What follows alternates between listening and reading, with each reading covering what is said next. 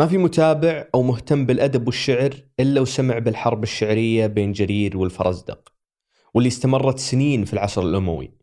كان جرير يكتب كم بيت يمدح فيها نفسه وقبيلته ونسبه ويجي الفرزدق يرد عليه بكم بيت استمروا على هالحال سنين. في العصر العباسي والاهتمام الحكام في ذاك الوقت بالشعر والأدب بدأت تنتشر ظاهرة جديدة في الدولة وهي الشعر بين الوزراء. فصارت بعض الخطابات بينهم قصايد وفي بدايات تكون الحكومة السعودية كانت هذه الظاهرة حاضرة بين بعض مسؤولي الدولة. كان في محورها وزير معروف تقلد مناصب كثيرة وألف كتب أكثر. في الحلقة من أشياء غيرتنا إخوانيات غازي القصيبي.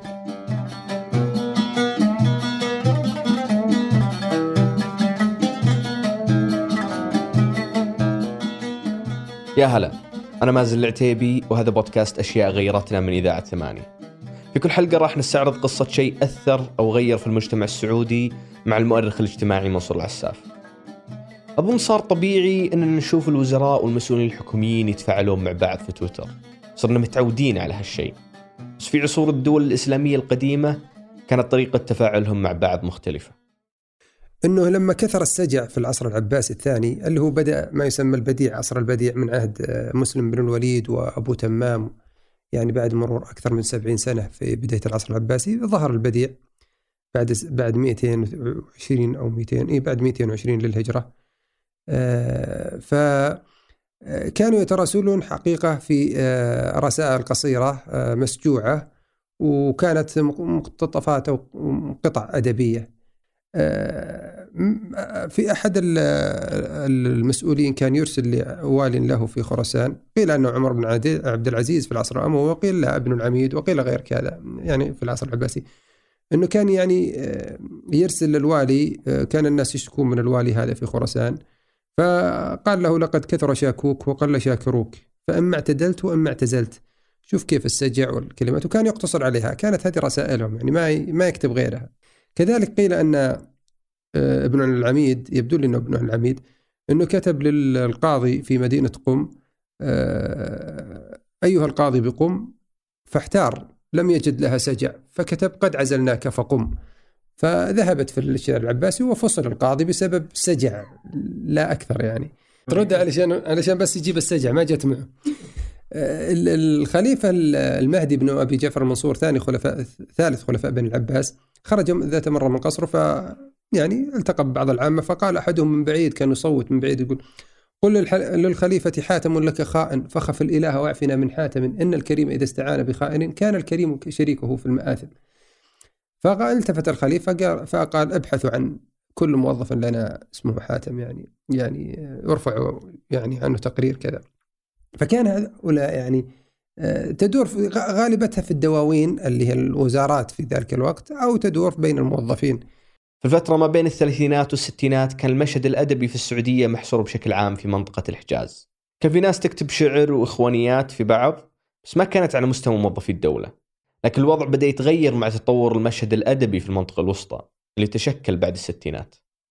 السبب إنه طبعا كثرت المدارس والمعاهد والناس هاجرت من من الهجر والقرى إلى المدن فأصبحت هناك يعني ثقافة الوظيفة زادت وكذلك دواوين الكليات والمدارس والمعاهد وأصبح الطلاب طلاب المدارس يتبادلون القصائد والشعر وظهر بشكل كبير أدب الإخوانيات حتى أنه أثر على المسارح لما ظهر التلفزيون وذا ظهر المسارح. كان أذكر في إحدى المسرحيات السعودية يدخل الممثل يبحث عن المدير يعني كان مراجع يبحث عن المدير فيجد الفراش فيقول أين المدير؟ الجالس على هذا الكرسي المستدير.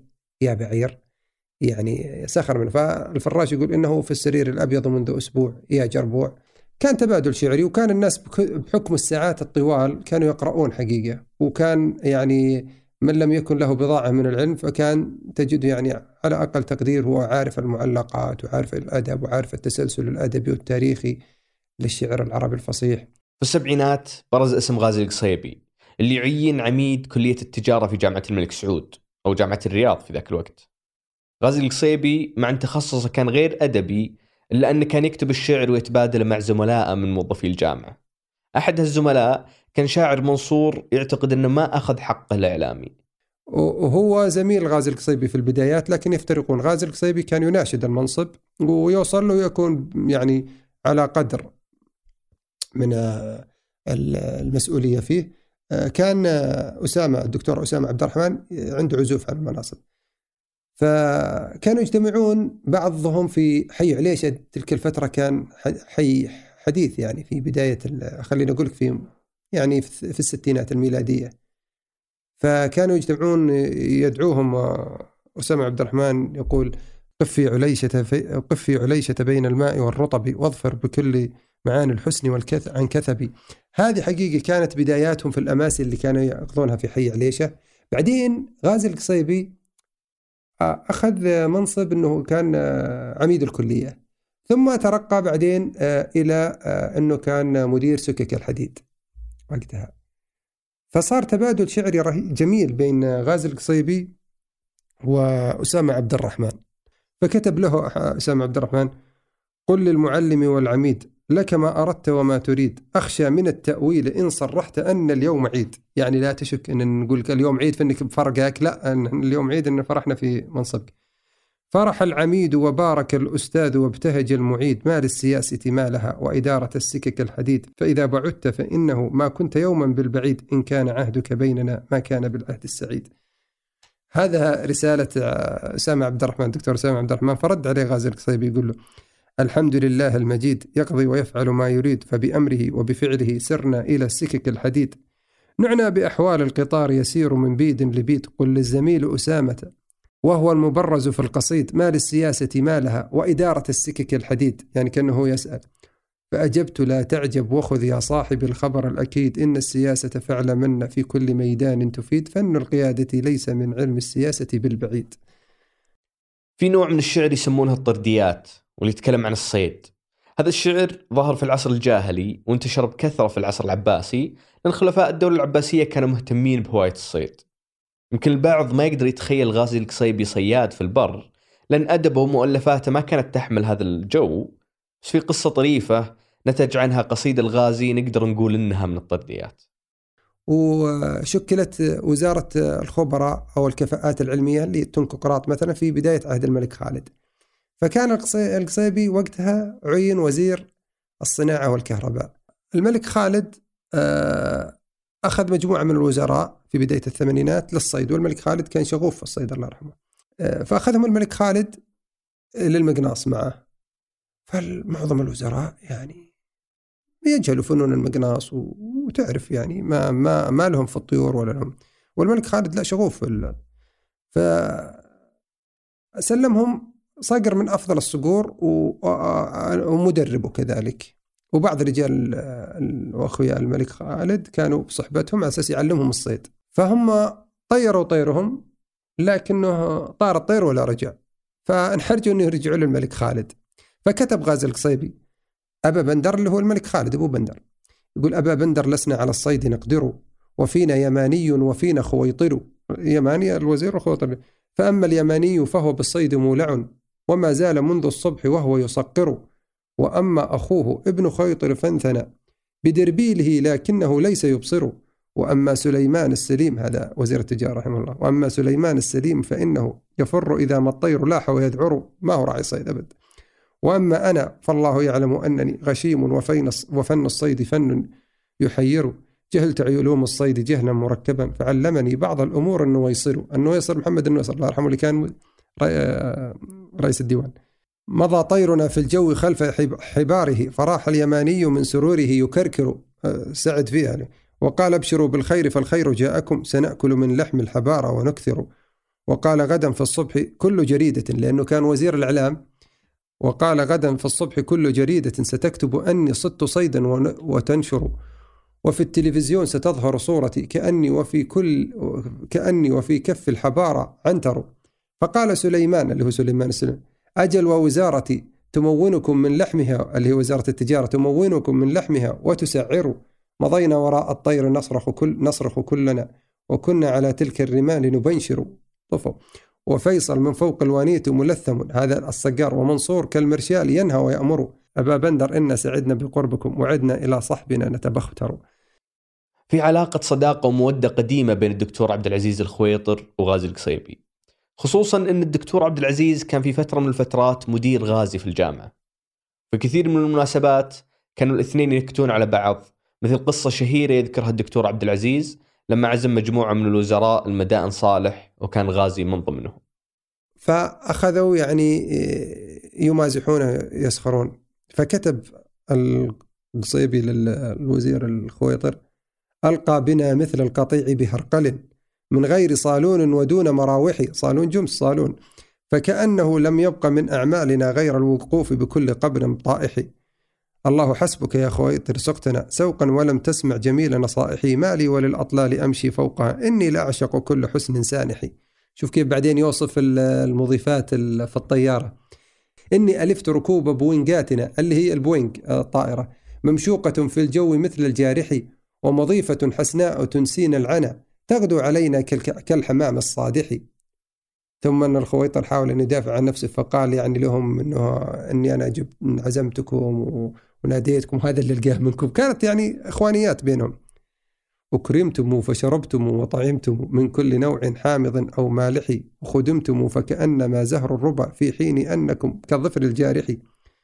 حبوا عادي يراضونه خلاص أكلوا وشربوا وناموا. وجايب لهم كل حاجة يعني حتى يعني الله يعزكم دورات المياه نقلها لهم متكاملة ونقل لهم سيارات منامات وأسرة فكانت رحلة.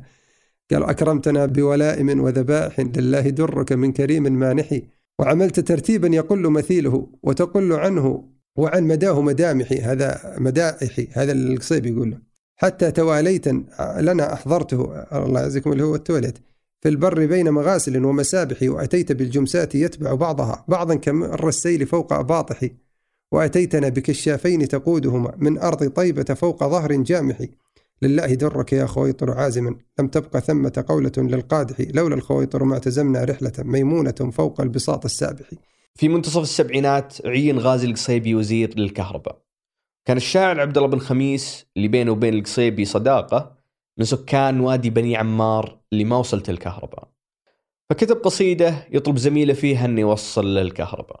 على الدبالة والفانوس والغازي. عيشي ظلامك حتى يأذن الغازي. هذا يعني غازي القصيبي. إيه. أوسعته الصبر. مهمازا فأوسعني صدا. فحطم هذا الصد مهمازي. فرت جيوش الدياجي من مكامنها من دار همدان حتى دار عنازي. دساكر في خضم من نور سابحة يلفها بين أغوار وأنشاز. إذا سألت وزير الكهرباء بها من أنجز النور فيها قال إنجازي. وإن سألت لماذا ظل في غلس وادي بن عمار هز الرأس كالغازي أظل فيها بلا نور يؤنسني. في وفي حناديسه عطلت تلفازي ولي قرينان لا أنفك دونهما أصاحب الليل كالشافي وعكازي. هذا يضيء لخطوي منتهى قدمي وهذا ينفر عني كل وخازي. يعني يشكي حالته إن التلفزيون عطلان وأنا أمشي بعصا على أساس الحشرات والدواب فيشكي الغاز القصيب إنك وعدتني ولا. فالقصيبي رد طبعا بنفس الوزن والروي والقصيدة فهذا كله كان في عام 1400 قال أوعزت للقوم حتى كل إيعازي وقلت لا تتركوا صحبي على الجازي وقلت هذا خميس الشعر جاءكم يحدو الشوارد لم تهم لم تهمز بمهمازي أعطاكم من حسان الشعر فاتنة مجلوة بين إبداع وإعجاز وما هاجمكم وطحلو الطبع شيمته ولو هجاكم لذق لذقتم سطوة الغازي أي أي الوسطات بين الناس نافذة إن الوساطة أفعى ذات إنجاز فوسط الشعر لم يشفع له أحد سوى القوافي وإكباري وإعزازي. استمرت هذه إلى أن جاء عام 83 نهاية 82 بداية 83 لم يصل الكهرباء. فأرسل بعتاب أشد عبد الله بن خميس آه، قصيدته المشهورة وعدتم غير أن الوعد خيل أتى منا على خمس عجاف دفعتم بالمقاول كي نراه فما وفى القليل ولن يوافي. أثير عنده خمسون شغلا ويرضيهم بما دون الكفاف. قصيدة طويلة أنا يعني أحفظ جزء منها بس. لكنها نشرت في كلها في جريدة الجزيرة الأولى والثانية. بعدها اضطر غازي القصيبي للرد وهو أكثر ردود شهرة. اللي أرسل أرسلها ونشرت في جريدة الجزيرة في نفس السنة بعد يمكن تقريبا أسبوعين قال عبد الله يا شيخ القوافي ومرتجل البديعات الظرافي. هجرت الناس والدنيا وحيدا بعمارية وسط الفيافي. يفرقها عن العمران درب طويل ذو انعراج وانعطاف فله هليكوبتر تفضي إليه ويشكو الجمس من طول المطاف وتغفو أنت في ظل ظليل وتمرك يانع والماء صافي وأقرأ ألف معروض وشكوى وتقرأ أنت إشعار الرصافي سألت القوم عنك فأخبروني بأن الكهرباء غدا توافي فإن جاءت فكافئنا بشعر كضوء الحب في ليل في ليل الزفاف وفي بستانك المعمور أول بهرفي سمين في الخراف. أه الحقيقة أنه برضو قال أبيات يعني أبيات طويلة أذكر منها برضو قال أه عبد الله يا شيخ القوافي ومرتجل البديعات الظرافي تضرسني بأنياب حدادي وتهجوني بأبيات لطافي وعتبك أنت كالشهد المصفى وبعض العتب كالسم الزعافي. كانت حقيقة من أروع قصائد آه، قصائد الإخوانيات بين الوزراء والمسؤولين والمواطنين وانتشرت انتشار كبير تبادلها الطلاب في المدارس والجامعات والناس في مجالسهم العامة حتى طلاب الصفوف الابتدائية كانوا يتبادلونها. شاعر عبد الله بن خميس ما كان هو الشخص الوحيد اللي يحتاج خدمات وزارة الكهرباء. فبسبب التوسع العمراني في المملكة كان صعب أن الكهرباء توصل لكل مكان بسرعة. فكان في طلب عالي على خدمات الوزارة وقتها وبعضهم ظن ان القصايد ممكن تسرع الموضوع. لكن بعد الفاصل.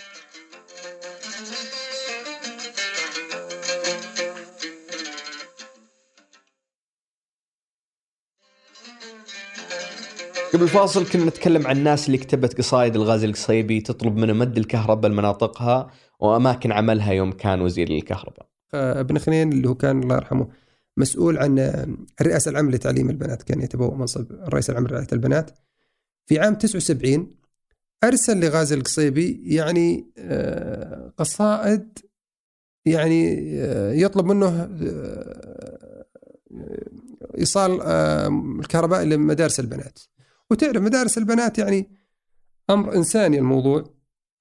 فقال له الشيخ راشد الله يرحمه آه، غزانا الصيف يا غازي فجود بتيار يكيف للمدارس بنات الناس في قلق ويخشى على بعض فرفقا بالعرائس فغازي القصيبي ما انتبه أو ما رد أو ما وصلته الرسالة لا راحت سنة كاملة. فأرسل له الشيخ مرة ثانية قال تمام الحول قارب لم تجيبوا ولم تجزوا المماطل والمعاكس. كلام الناس في هذا كثير وأنت الشهم تنفي للوساوس فمرهم عاجلا يأتوا بسلك يبرد أو يبدد للحنادس. الظلام. وعهدي فيكم وحزم وعزم ودور العلم أولى من منافس يعني من المرافق الثانية. ونرجو الله إصلاحا سريعا لأجهزة الدوائر والمجالس وختم القول تذكير وشكر لغاز الشعر والرجل الممارس. فجاءه رد غاز القصيبي. قال رعاك الله يا شيخ المدارس وصانك للصغيرات العرائس. وأما بعد رقعتكم أتتني تعاتبني فهاجت به الهواجس. وملء, عتابكم ود وحب يحيط به من الأشواق حارس. ويدري الله كم يدمي فؤادي. عذاب صبية والحر عابس وحر الصيف بالأبطال يودي. فما بال الرقيقات الأوانس؟ وعذري إن قبلت العذر أني أمارس من بلائي ما أمارس. توسعت الرياض نمت فصارت كلندن في تشعبها وبارس. ففي حي النسيم شكت ألوف تنادي في الدجى والليل دامس. بعض القصائد كانت تنشر في الصحف والناس كانت تتسلى بهالتبادل. وبعضهم أعجب بهالتبادل الشعري وقرر يجاري الشعار بقصائد على نفس الوزن. شوف مثلا تفاعل القراء مع القصيدة الأخيرة هذه حقت المدارس وطلاب المدارس. يعني مثلا واحد أحد القراء كان اسمه محمد بن حسن العمري. آه، كتب بفصل الصيف تزداد الهواجس خصوصا حين تبتل الملابس. يسائل بعضنا بعضا على ما في هذا التماس أو تلامس وتلقانا على هم هام النواصي. كأن قد كأن قد بلينا بالوساوس. ومحمد المشعر الله يرحمه كان صحفي وأديب وشاعر وكاتب يعني ساخر. رحمه الله كان من أعلام الصحافة في التاريخ آه، آه، المنطقة الوسطى.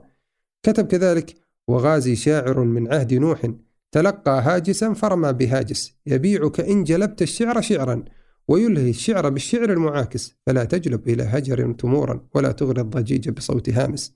أحد القراء لقب نفسه عاشق النور كتب بس طبعا بنفس الروي نفس القصيدة إذا جاء المقيل فترى بناتي يبللن الشراشف والملابس وإن جاء الظلام ترى جموعا وجيشا هاجما من كل نامس. خرج عن السياق أحدهم من منطقة جيزان فكتب قصيدة رقيقة يعني بنفس المناسبة لكن تختلف الروي والوزن. كتب أنت أدرك ابن قاسي من جروح الانطواء.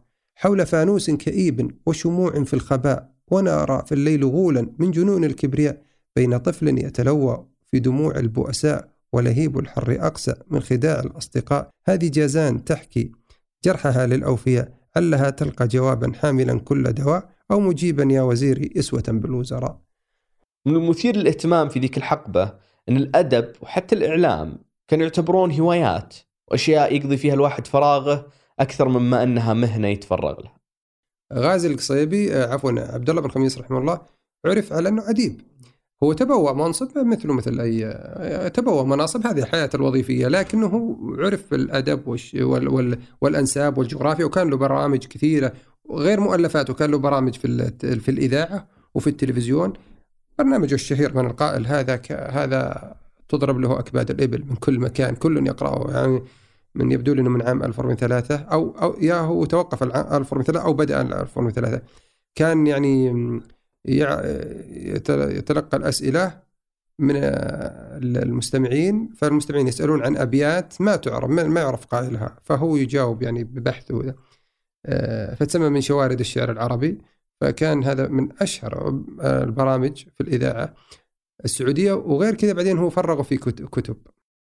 يمكن موضوع التراسل والإخوانيات بين الوزراء وأصحاب المناصب ما هو منتشر مثل اول ولو على وقتنا الحالي نقدر نذكر القصائد المتبادلة بين الأمير خالد الفيصل والشيخ محمد بن راشد المكتوم على سبيل المثال. بس نلاحظ أن الإخوانيات صارت شبه معدومة ومنصور عنده تفسير لهالشيء. في فترة في الفترة الماضية كان التعليم المواد الشرعية والعربية وال بالذات الأدب العربي والقصائد كانت يعني عددها أكبر وكانت القراءة لها ساعات طويلة في اليوم. كانوا يقرؤون الروايات كانوا يقرؤون القصص ويتلقفون الكتب يطلعون المكاتب العامة ويلتقون في مجاماسي وجلسات أدبية ويقرؤون الصحف. يعني حقيقة آه، مجتمع يعني مكافح أو جيل مكافح في تلك الفترة كان يتعب. يعني ياخذ كتاب أصفر طباعة سيئة يجمع أوراقه يستعير الكتاب من زميله والزميل هذا والكتاب يدور بين يعني 10 20 ويبحث يطلع للمكتبه العامه ويقضي ساعات طويلة من حي لحي. آه لذلك تلقى أدباء مثلا الحجاز ومكة بالذات مكة والمدينة وجدة والطائف كان فيها أدباء وشعراء آه سبقوا آه زمانهم. يعني حتى في الشعر الحر الشعر الحر الآن المعروف إنه اللي يعني اسسه عدد يعني اشتهر بأن إنها نازك الملائكة لكن بينما هو شاعر سعودي. عواد حسن عواد محمد حسن عواد يبدو لي. فكانت لنا أسبقيات ولنا لكننا ما كان عندنا الإعلام ولا كان لنا الحضور العربي طبعا الإخوانيات اللي ذكرت فيها الحلقة حتى الآن هي اللي نشروها أصحابها أو الصحافة فتم توثيقها وبالتالي قدرنا نوصل لها خلال بحثنا. لكن في الواقع هالنوع من الشعر كان موجود في كل مكان بالسعودية. بالعامي وبالفصيح مزح وتنكيت ومدح بين الإخوان وزملاء العمل والأصدقاء لكن اللي يوصل لنا جزء بسيط جدا منه لأن هالقصايد مثل أغلب تاريخنا الاجتماعي ما لقت من ينحتها في الصخر. تاريخ شفهي يقل عدد اللي يحفظونه جيل ورا جيل لحد ما يندثر وكأنه ما كان من الأساس. أشياء غيرتنا بدأ عشان يكون الصخرة اللي ينحت فيها التاريخ.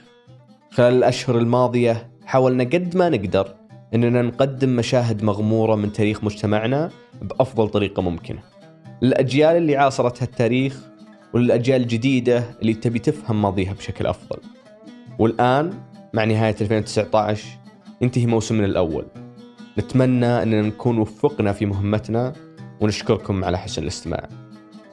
قبل ما نودعكم نختم بالشيء اللي نحاول دائما نسويه توثيق اللي ما سبق توثيقه وجزء من شعر الإخوانيات اللي كتبه منصور النسيبة نشوفكم على خير هذا أنا آه، ريان هذا أنا خاله فكان بيروح معي للشرقية ووالده وبيستأذن والده ويبي ويبيني يعني زي ما تكون أكون شفيع مع والده. آه، فوالده كان يعني مشغول عنده يعني مركز صحي مستشفى اسمه مستوصف الريان أو مستشفى الريان. فقال استأذن من والدي علشان أكون معك. فكتبت له آه، كتبت للأب اللي هو نسيبي أبا ريان جئت بلا اتصال وأخبار لأيام خوالي. أتتك قصيدتي تهديك شوقا وموفور التحية والسؤال ولست مبالغا فيها ولكن أردت صدق أرباب النوالي لعلمي أن صاحبنا شجي ومأسور بأغلال ثقال ويبحث في رضاك بلا عناء وتبحث أنت أمصال الدوالي ففي مستوصف الريان جهد وأعمال تنوء بها الرجال فهذا يشتكي وجع برأسه وهذا يشتكي داء السعال وتلك بنية تشكو لضرس وحبلى تشتكي طول الليالي. سقيم الجسم يزهد في البرايا ويهفو نحو جنات عوالي. ومن منا قوي ليس يشكو. صحيح الجسم موفور الجمال وهذا ديدن الدنيا جلي مع الأقدار من حال لحال. فهاك الشعر ألقيه نشيدا بريد الحرف محمود الوصال. وإن أسعى ففي خير ووصل وإن تسعى فمحمود الخصال. فهلا تلحق الركب جمال بأسفار الخؤولة والخوالي إلى الدمام نبحر في عباب. قريب العهد موفور المنال. هذه الحلقة من بحث وإعداد الرائع منصور العساف. والرائع ثمود بن محفوظ. حررها ثمود بن محفوظ وأشرف على إنتاجها الوليد العيسى وأسيل عبد الله.